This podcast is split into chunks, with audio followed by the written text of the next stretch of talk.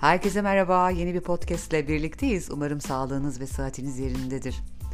Geçtiğimiz haftalarda Türkçe'ye içimdeki çocuk olarak çevrilen The Kid diye bir film izledim. Bruce Willis'in bir filmi. İzlemeyenler için konuyu anlatmayacağım ama izleyenler galiba daha çok anlayacaklar ne demek istediğimi bu yayında. İzlemediyseniz de çok tavsiye ederim. Ee, olay aslında şöyle imaj danışmanlığı yapan ve kendi hayatının aslında pek farkında olmayan ve diğerlerine tavsiyeler veren ve e, esrarengiz bir şekilde 8 yaşındaki haliyle karşılaşan bir adamın hikayesi arkadaşlar. Çocuk gözüyle algıladığı o üzerine yapışan etiketleri ve işte o yaşlarda aldığı kararları yetişkin hayatında devam ettiren bir adamın hikayesi aslında. Bakarsak e, neredeyse hepimizin hayatı gibi. Filmle beraber de kafamda acaba geçmiş değiştirilebilir mi ve bu mümkün olursa hakikaten şimdi ve gelecek etkilenir mi gibi sorular oluştu. Bu konu aslında sadece benim değil, yıllardır filozofların ve bilim insanlarında cevap aradıkları bir konu. Hatta bununla ilgili e, bir tartışma da e, olmuş ve tartışmanın ilk bölümü de New Mexico'daki Santa Fe Enstitüsü'nden David Wolpert tarafından ortaya atılmış. Bu Amerikalı matematikçi, fizikçi ve bilgisayar bilimci aynı zamanda da Santa Fe Enstitüsü'nde bir profesör ve bir şeyi hatırlamadan önce diyor ki hafızayı standart bir başlangıç durumunda başlatmanız gerekiyor. Yani bu ne demek standart bir başlangıç durumu? Yani verilere, yeni verilere yer açmak için sabit sürücüyü silmek gibi bir şey. Ama bazı bilim insanları da bilgiyi silmek her zaman kaosa neden olur diyorlar. Bu başlatma işlemi geri döndürülemez bir süreç ve bu nedenle yalnızca zamanda ileriye dönük olduğu anlamına geldiğini savunuyorlar. Ben buna katılıyorum çünkü geçmiş olmazsa kimlik de olmuyor. Kimliksiz bir şekilde gelecek oluşturmak da mümkün değil gibime geliyor. Fakat bazı fizikçiler de bu argümanın tam olmadığını söylüyorlar. Yani prensip olarak yalnızca her şeyi sadece bakın sadece hatırlayarak herhangi bir silme ya da başlatma ihtiyacı olmadan ortadan kaldırabilirsiniz iddiasında bulunuyorlar. Şimdi daha sonra hafızadaki kayıt bilgileri tamamen tersine çevirin diyorlar ve burada da zaman oku yok. Bu bir aldatmaca diye de ekliyorlar. Tabii bu fizikçilerin e, söyledikleri sorunu pek çözmemiş gibi. Neden? Çünkü buna herkes ikna olmamış. Ben buna katılıyorum çünkü düşünce bir enerji ise ve enerji asla kaybolmayan bir şeyse şunu düşünüyorum. Evet silinemez ama dönüştürülebilir mi?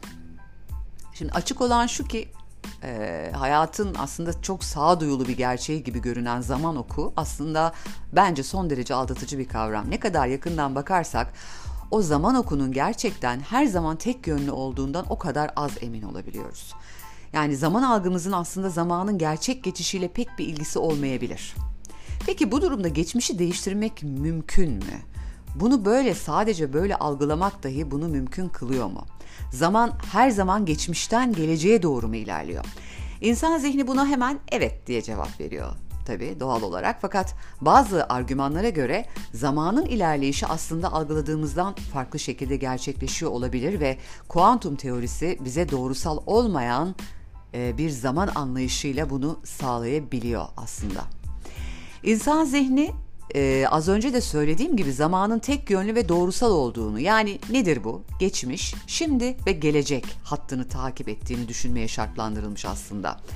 Ne var ki bazı bilim insanları ve felsefeciler geleceğin geçmişi etkileyebileceğini ve bunun kuantum mekaniğinin ortaya çıkan bir özelliğinden kaynaklanabileceğini ileriye sürüyorlar.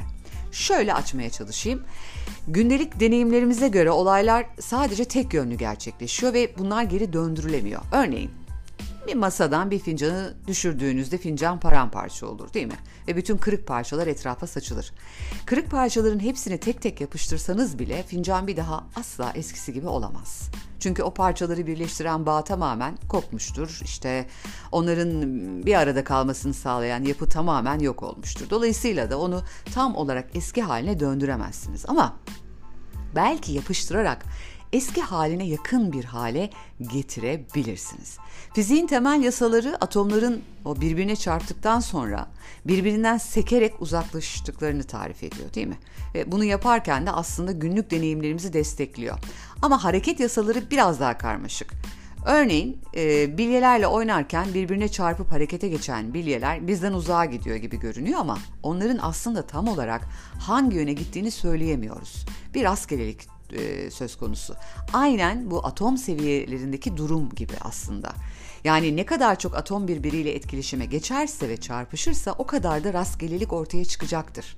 Olasılıklar e, deniyor buna kuantumda. E, yani kısaca bilim diyor ki zamanın yönünün ilerisi olduğunu gösteren e, herhangi bir kanıt yok. Böyle bir şey yok. Bir örnek daha verelim. E, kahveniz ısısını onu saran havaya veriyor değil mi? Yani işte orada ne oluyor? Atomların enerjileri eşitleniyor ve enerji itimi denen olay gerçekleşiyor.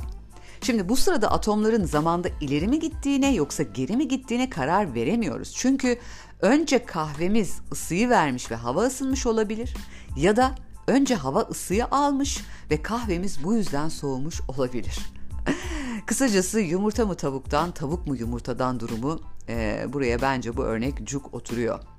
Şimdi zamanın ilerleyişinin e, zihnimizin algıladığından farklı olması ihtimal dahilinde buna bağlı olarak da geçmiş ve gelecek tanımlarının yenilenmesi hatta geçmişin değiştirilmesi ve geleceğin öngörülmesi bile mümkün olabilir mi?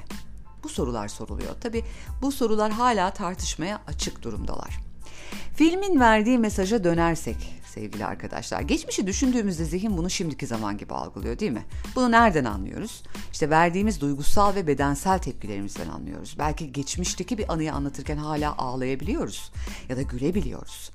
Bu sadece anılarla ilgili bir şey de değil. Canlı bir rüya gördüğümüzde bir süre etkisinden kurtulamıyoruz. Yani gerçekten fiziksel olarak e, ve uyanıkken e, onu yaşamış gibi hissediyoruz. Bazen bunun sadece bir rüya olduğunu belki defalarca kendimize hatırlatmamız gerekebiliyor. Yani zihin, hayal, rüya ve gerçeği birbirinden ayıramıyorsa ve zamana algıladığımız gibi değilse o zaman belki de o anıları zihnimizde değiştirerek başka bir gerçeklik yaratabiliriz. Peki bu ne işe yarıyor? Yarayacak. Diyelim ki gittik, değiştirdik. Belki de o tırnak içinde kötü olarak algıladığımız anının içinde artık bize hizmet etmeyen bir inanç, bir karar, bir etiket ve bunların oluşturduğu o davranış kalıplarını değiştirebiliriz.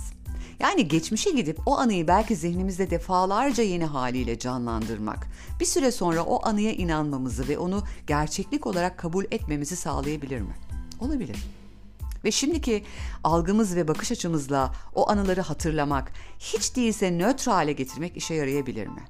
Yani aslında bu hali hazırda da terapilerde de kullanılan çocukluğa inmek gibi adlandırılan çalışmalar mevcut olduğuna göre belki de zihin haritasını değiştirmek oradan oralardan başlıyor olabilir. Şimdiki bilinç ve bakış açısıyla geçmişe sadece bir bakış atmak bile belki birçok düşünceyi, kararı ve davranış modellerini değiştirebilir.